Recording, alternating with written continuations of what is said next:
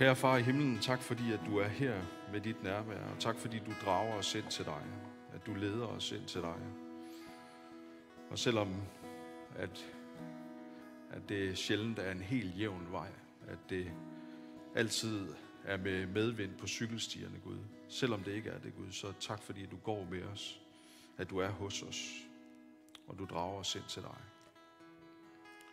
Gud, tak fordi at der ikke er noget menneske, som er uden for din rækkevidde, uden for din nåde, uden for, for din kærlighed.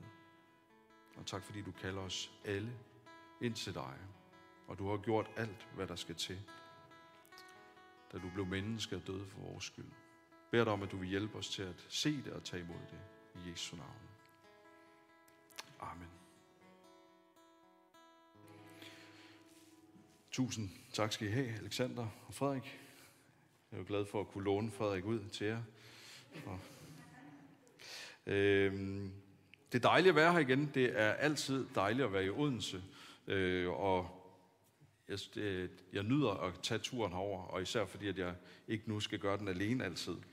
Øhm, det er sådan, at når jeg prædiker, nu har I jo hørt mig før, men jeg vil bare lige nævne, at jeg tager udgangspunkt i et, et bibeltekst i dag, og hvad den siger til os, og det gør jeg af flere årsager, men en af grundene er, at jeg egentlig ikke er sådan en person, som har rejst meget og prøvet en masse spændende ting. Øh, som min kone plejer at sige til mig derhjemme, så er jeg bedre til hverdag end til fest. Øh, og hun siger det i al kærlighed. Øh, og derfor er det godt, at når vi tager Bibelen frem, så har den faktisk rigtig meget spændende at sige til os, også selvom den, som kommer med det, måske ikke har det allermest spændende liv. Jeg kan egentlig bare bedst lide at være derhjemme og tage det stille og roligt. Så det med at køre over broen, det er en stor ting for mig. Altså, så det har ikke generet mig her i corona, at man ikke kan rejse til udlandet. Øhm, og selvom det er sådan, at, øh, at vi har læst mange gange i Bibelen, det er der måske nogle af jer, der har, og har også hørt mange prædikener, så er det sådan, at der kan være nogle ting, som overrasker os, og som vi har brug for at høre igen. Og Bibelen, det er vores primære åbenbaringskilde. De her bibelske tekster er et mødested mellem os og Gud. Og selvom jeg holder af alt det andet, det med fællesskab og med lovsang og med bøn, og jeg synes, det er væsentlige ting i forhold til vores liv med Gud og mødested mellem, mellem Gud og os, så er Bibelen stadigvæk vores primære åbenbaringskilde. Det er her, vi får åbenbaret og set, hvem Gud er. Øh, og overskriften på det, som jeg vil sige i dag, det er på ret kurs. Jeg overvejede lige, om man skulle kalde det på stram kurs, men den, den tror jeg ikke går endnu, vel? Det er stadigvæk for tæt på. Øh, vi, så vi kalder det på ret kurs. Og nu er, nu er det jo politiske tider, ikke med valg og så videre. Øhm, og det er faktisk sådan, fordi den tekst, som jeg vil begynde med, som jeg jo altså ikke selv har skrevet, det er ikke min idé, det er Bibelen, som vi taler om, det er Guds ord, det er ikke mig. Øh, den, den er faktisk, den begynder på en måde, som godt kan virke lidt stødende. Øh, den begynder nemlig med det her, nu skal du ikke skifte endnu, vent lige lidt, vent lige lidt, fordi det, øh, det tak, tak. Øh, der, der står sådan her, der står faktisk, hvem Jesus taler til her. Der, der står, til nogen, som stolede på, at de selv var retfærdige, og som foragtede alle andre, fortalte Jesus denne lignelse. Det synes jeg er sådan en god ting at tage ud til andre mennesker med. Til dem, som stolede på, at de selv var foragtet, og, eller retfærdige og foragtede alle andre. Det er jo sådan, I er. Nej, det er det selvfølgelig ikke. Jeg antager på ingen måde, at I stoler at I, I er de eneste retfærdige, I har styr på alt i livet, og I foragter andre. Det, det, det tror jeg ikke på, og det er ikke det, jeg mistænker jer for. Men, fordi, men selvom Jesus han fortæller uh, lignelsen til en helt særlig gruppe mennesker, også selvom vi ikke lige tilhører det, og det er jo sådan, vi ofte læser Bibelen, den er jo trods alt skrevet for mange år siden, så kan Gud godt tale til os alligevel igennem det, vi skal læse. Og i den lignelse, som vi skal læse lige om et øjeblik, øh, der er to personer, og jeg vil bare lige introducere jer for dem, øh, før vi læser det. Den ene af de her personer klarer sig ualmindeligt godt i livet. Øh, og folk omkring ham, de kan både se, og de anerkender også, at det går virkelig godt. Han klarer sig godt med sit arbejde, han har opdraget sine børn ordentligt, han bærer økologiske spæltboller med chiafrø, og hvad man ellers skal, skal have med. Øh, han passer sine gamle forældre, han inviterer endda mennesker, som er fattige med til måltid hos ham med jævne mellemrum og giver en masse til mennesker omkring ham, som ikke har så meget. Der er umiddelbart ingenting at sætte en finger på i hans liv. Det er den ene person. Jeg skal nok komme tilbage til ham. Og så er der den anden person.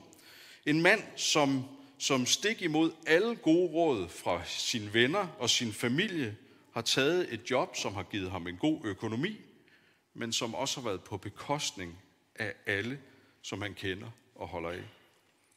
Han har faktisk svigtet alles tillid, og han har sikkert mistet forbindelsen til alle sine gamle venner, og måske har familien også vendt ham ryggen. Alle de penge, han tjener, tjener han for ved at arbejde for dem, som har taget friheden, selvstændigheden øh, og rigtig mange penge væk fra hans venner, hans familie, fra hans landsmænd. Så han arbejder for dem, der behandler alle dem, som han holder af rigtig dårligt. Og det er åbenlyst for alle, at han er en taber. Han er en, der ikke har klaret det. Der er så mange ting at pege ud, hvor han bare er gået galt i byen.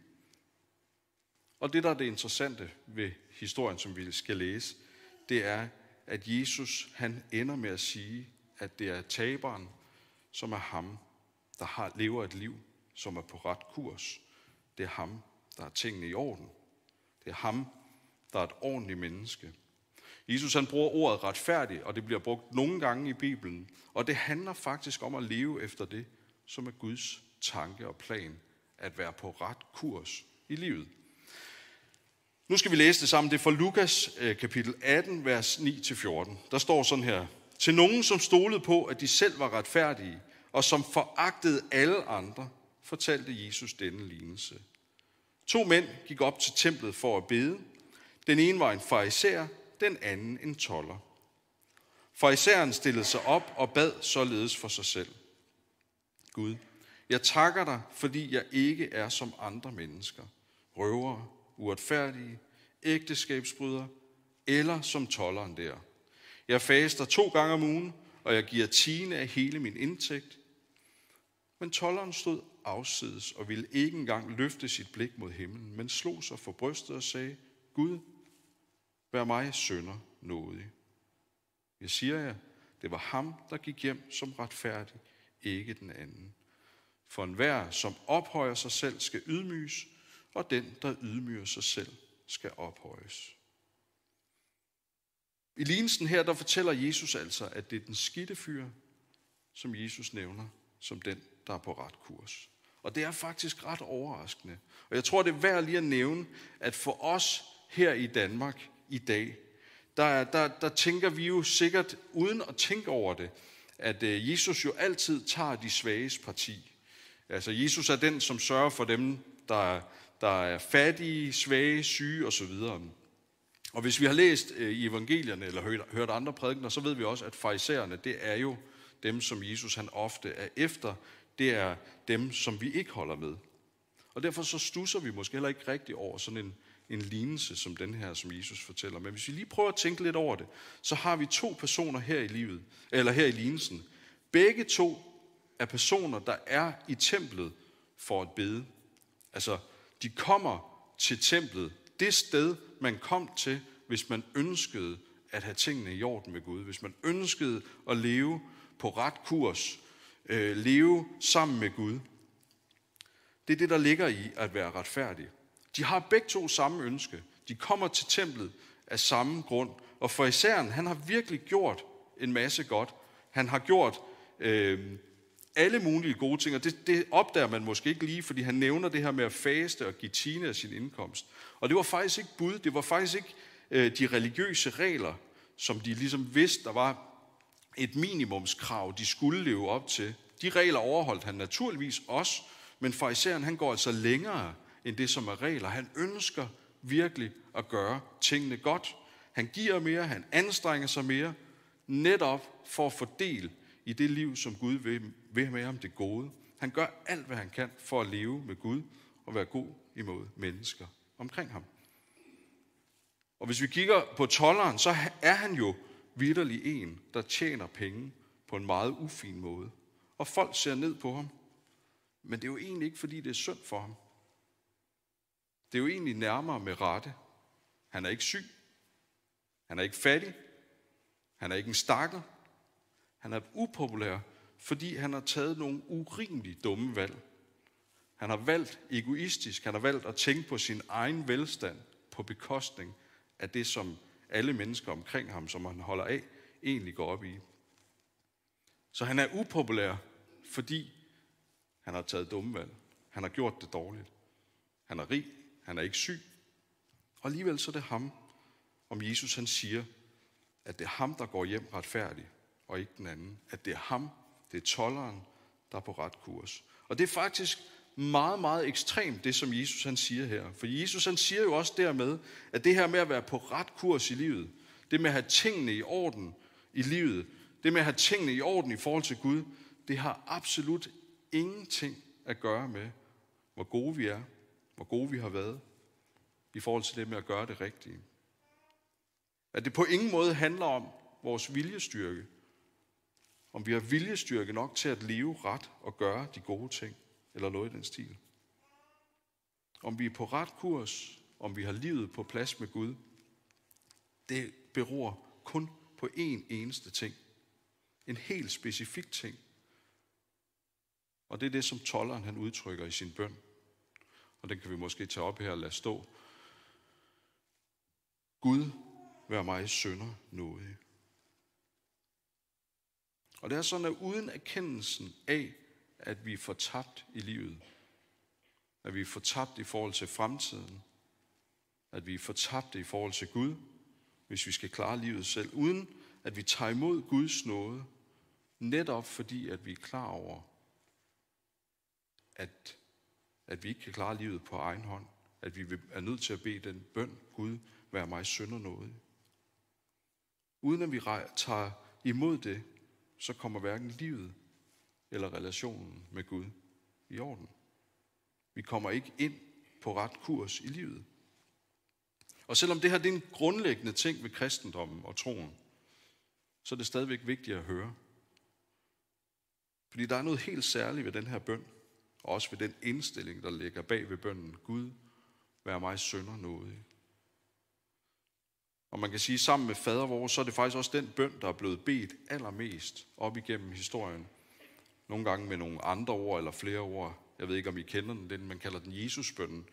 Herre Jesus Kristus, Davids søn, forbarm over mig, eller vær mig sønder noget, eller noget i, i den stil. Og nu er det ikke sådan, at vi tror på, at der er noget magi ved ord. Og det, det, det tror jeg heller ikke. Det er ikke, fordi jeg vil til at tale om, at nu er der magi. Men det er sådan, at en oprigtig bøn til Gud om noget, fordi man ved, at man har ramt ved siden af, den hører Gud ikke bare med det samme. Den bønhører Gud med det samme.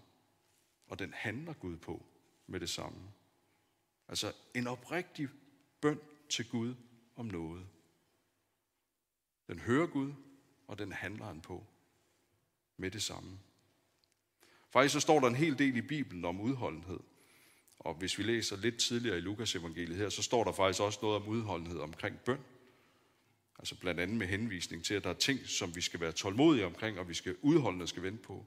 Men når det kommer til den her bøn, til Jesus bønnen, Gud, vær mig sønder nådig, så hører Gud med det samme, og han bønhører med det samme. Når vi erkender vores fejlbarlighed, når vi beder Gud om noget, så er Gud altid noget med det samme. Han bringer tingene i orden for os med det samme, både i forhold til livet og i forhold til relationen med Gud. Så det er altid og hele tiden muligt at få bragt vores liv i orden, på ret kurs, lige nu. Vi kan få det hele på plads lige nu. Det eneste, der skal til, det er den her bøn. Gud, vær mig sønder noget. Selvfølgelig ikke, fordi der er magi i ordene, men med indstillingen bag. For Gud, han hører og handler på det med det samme, og han bringer tingene i orden med det samme.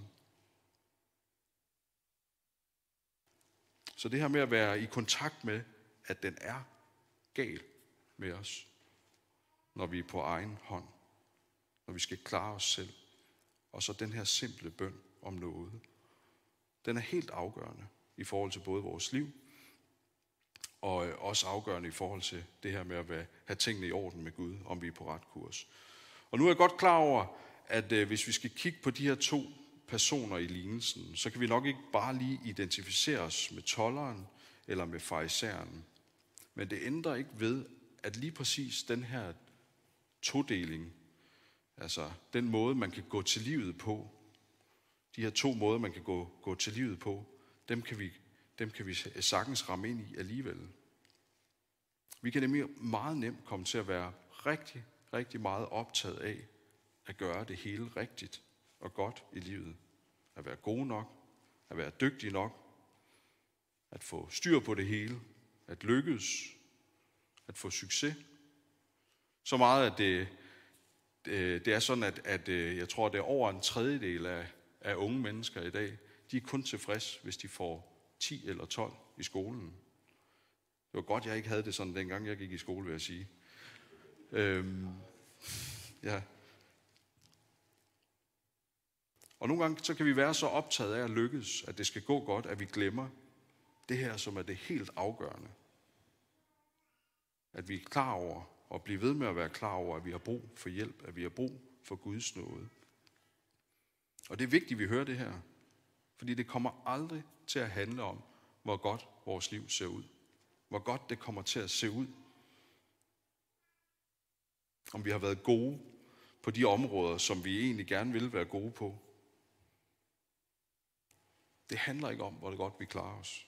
Det handler ikke om 12-taller, eller 10-taller, eller succes. Det handler om noget helt andet.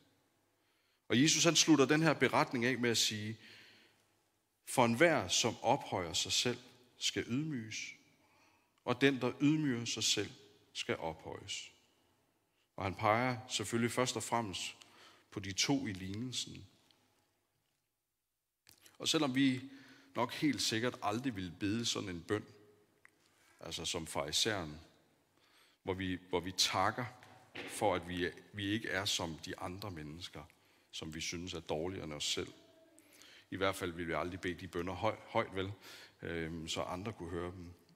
Og selvom vi nok heller ikke vil ophøje os selv over for Gud ved at minde ham om alle de gode ting, vi har gjort, så kan den her selvophøjelse godt stikke sit ansigt frem en gang imellem.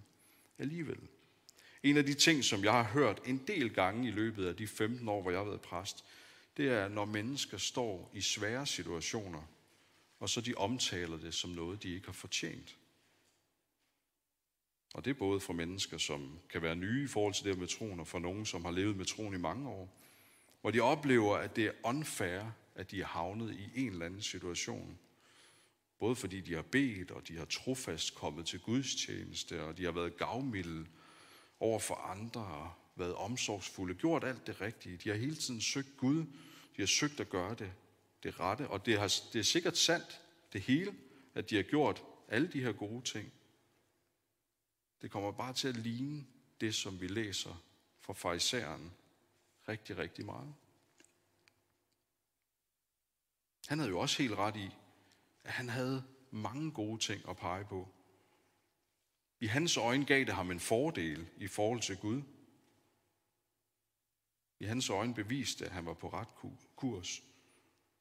Men som Jesus peger på, at lige præcis det var det, der gjorde, at han missede fuldstændig det eneste, som var det vigtige. Den eneste indgangsdør til både livet og livet med Gud. Og det er, at vi er klar over, at vi ikke kan klare den selv. Og vi beder Gud om noget. Gud, vær mig sønder nådig. Og heller ikke når vi rammes af svære ting i livet, livet handler det om, hvad vi har fortjent ud fra, hvor godt vi har klaret livet. Og det handler heller ikke om, hvorvidt det er fair. Vi rammes nogle gange af ting i livet, der, ser, der, der er skidt, for vi lever i en falden verden. Det handler altid om, at vi har brug for Guds nåde. Også når det føles urimeligt, det vi kæmper med. Og det er et helt andet perspektiv, som Jesus giver her, end det, som vi måske nemt kommer til at se det i selv. Og nogle gange har vi måske faktisk brug for at opleve, at noget ikke lykkedes. For netop at komme i tanke om, at vi har brug for Guds nåde. At det er det, der er det vigtigste. Måske er det slet ikke så skidt endda, at vi nogle gange kommer til kort. At vi nogle gange bliver lidt ydmyge. For enhver, som ophøjer sig selv, skal ydmyges, og den, der ydmyger sig selv, skal ophøjes. Og det er værd at huske på, at det her med at være kristen, det med at få del i det her fantastiske, som Gud han rækker til os og leder os til, det hænger uløseligt sammen med at følge ham, som var den eneste, som det reelt var åndfærd for, at han skulle lide og dø. For han havde faktisk ikke brug for Guds nåde. Og alligevel så ophøjede Jesus jo heller ikke sig selv. Han holdt ikke fast i, at han havde fortjent noget bedre. Han ydmygede sig, men bliver hele tiden ophøjet alligevel. Og det er ham, vi følger. Det er ham, der er vores forbillede. Selvfølgelig med den forskel, at vi aldrig vil kunne fremvise et liv, hvor alt er på plads. Det kan godt være, at vi kan nævne mange gode ting, men vi kan, og vi kan måske også endda øh, bilde os selv det ind, at alt går snorlige. Men i os, og det er i os alle, ofte skjult så godt som vi kan. Nogle gange skjuler vi det endda for os selv også. Der ligger den her samme indgroede egoisme, som ledte tolleren til at arbejde for besættelsesmagten og blive rig på bekostning af andre. Det ligger i os alle, mere eller mindre gemt. Og vi har altid, modsat Jesus, brug for Guds nåde, som hele tiden rækkes til os i troen på Jesus Kristus. Så det her med at være på ret kurs i livet, det hænger uløseligt sammen med, at vi er klar over, at vi ikke kan klare den selv, og at vi beder Gud om noget. Den, der ydmyger sig selv, skal ophøjes. Og inden jeg slutter, så vil jeg bare lige nævne én ting mere, fordi det kan være, at der er nogen, der tænker, er det ikke sådan den billige noget, som bliver forkyndt i dag? Altså forstået på den måde, at er det så ligegyldigt, hvad vi gør? Når nu tolleren, tolleren som havde taget nogle helt vildt dårlige valg, ender med at være den, som får del i livet og opstandelsen, kan vi så ikke bare gøre, hvad vi har lyst til? Følge vores egoisme og så bede om noget bagefter? Sådan er den naturligvis ikke, og det er ikke en billig noget, som jeg på nogen måde ønsker at prædike. Og det er netop fordi Jesus han siger det sådan her, for enhver som ophøjer sig selv skal ydmyges, og den der ydmyger sig selv skal ophøjes. Det er aldrig den lette vej at ydmyge sig selv.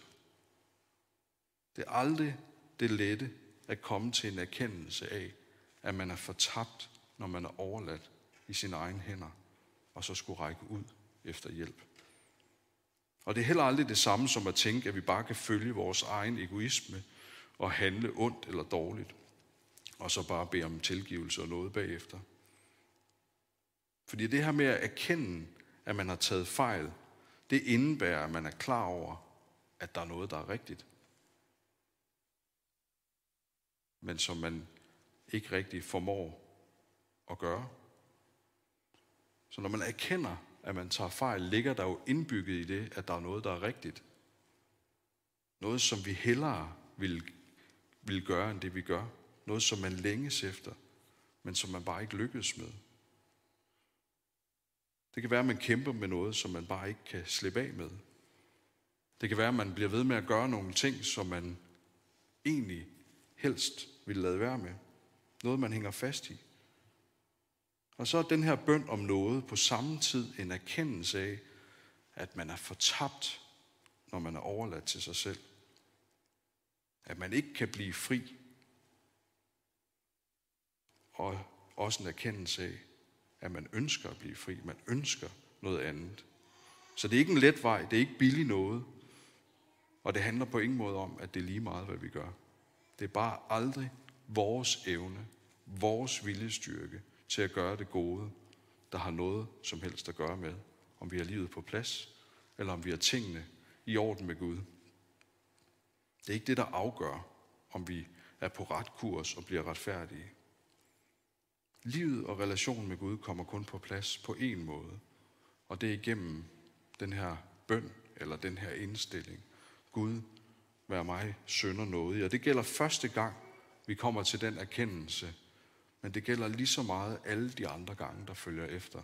Hele livet. For enhver, som ophøjer sig selv, skal ydmyges, og den, der ydmyger sig selv, skal ophøjes. Jeg vil gerne bede lovsangsgruppen komme op, og så tror jeg, vi skal bruge lidt tid på at, at øh, lovsynge Gud sammen. Og øh, jeg vil lige bede en bøn lige om et øjeblik. Men det er måske værd at, at lige at tage det her med ind i øh, den tid, som vi bruger sammen. Og måske er det okay, det ved jeg ikke, om det er, men jeg håber, det er okay, at man måske ikke synger med, og bare lige tager det med og siger, hvor er det egentlig, at jeg er henne i forhold til det her?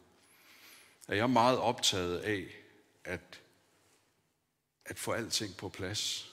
Så optaget af, at jeg har glemt, at det eneste, der egentlig bringer mig videre, det er, at jeg erkender, at jeg ikke kan.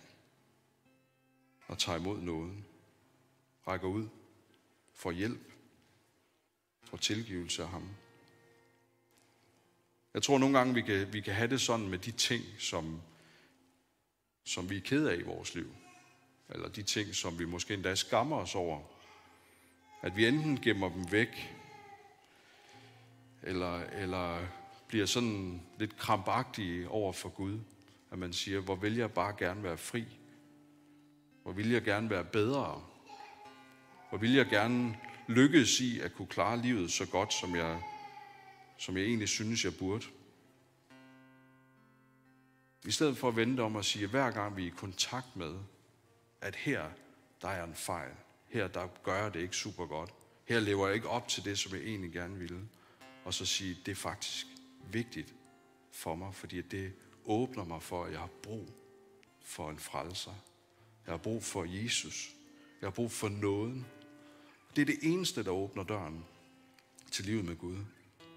Og lige præcis på den måde, så kan de her ting, som vi kæmper med i livet, de ting, som vi ikke lykkedes med, blive det, der får os på ret kurs. Fordi det er der, der er en åben dør til at bringe Gud ind i vores liv. Og det er den, det eneste, der kan gøre den virkelige forskel. Lad os bede sammen. Far, jeg takker dig, fordi at du kender os. Og du ved godt, at vi ikke lykkedes i alting. Selvom vi måske nogle gange synes, at vi kan ligne mennesker, hvor alt er på plads, så kender du os, og du ved, at der altid er nogle ting, som ikke lige lykkes, hvor vi fejler. Og Gud hjælper os til at bruge de anledninger til, når vi, når vi mærker, og når vi ser, når vi oplever, at vi ikke, vi ikke lykkes. Hvor der er ting, vi er kede af, vi ønsker anderledes i vores liv.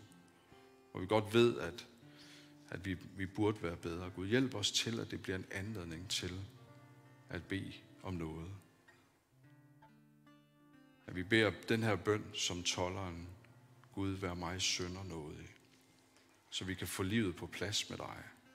Så vi kan være altid i kontakt med, at vi har brug for din frelse. Vi har brug for dig. At det aldrig kommer til at handle om, at vi skal klare os selv. Men at alle de ting, som vi kæmper med, det er en åben dør for at bede om noget. Og få bragt tingene på plads i forhold til dig. Og komme på ret kurs. At det med at være på ret kurs, det ikke handler om, at vi kan leve op til vores egen perfekthedsideal, eller kulturens perfekthedsideal. Men det at være på ret kurs, det er at have et sikkert greb i, at vi har brug for din nåde. At vi er fortabt uden dig. Hjælp os til, at det er noget, vi altid holder fast i. I Jesu navn.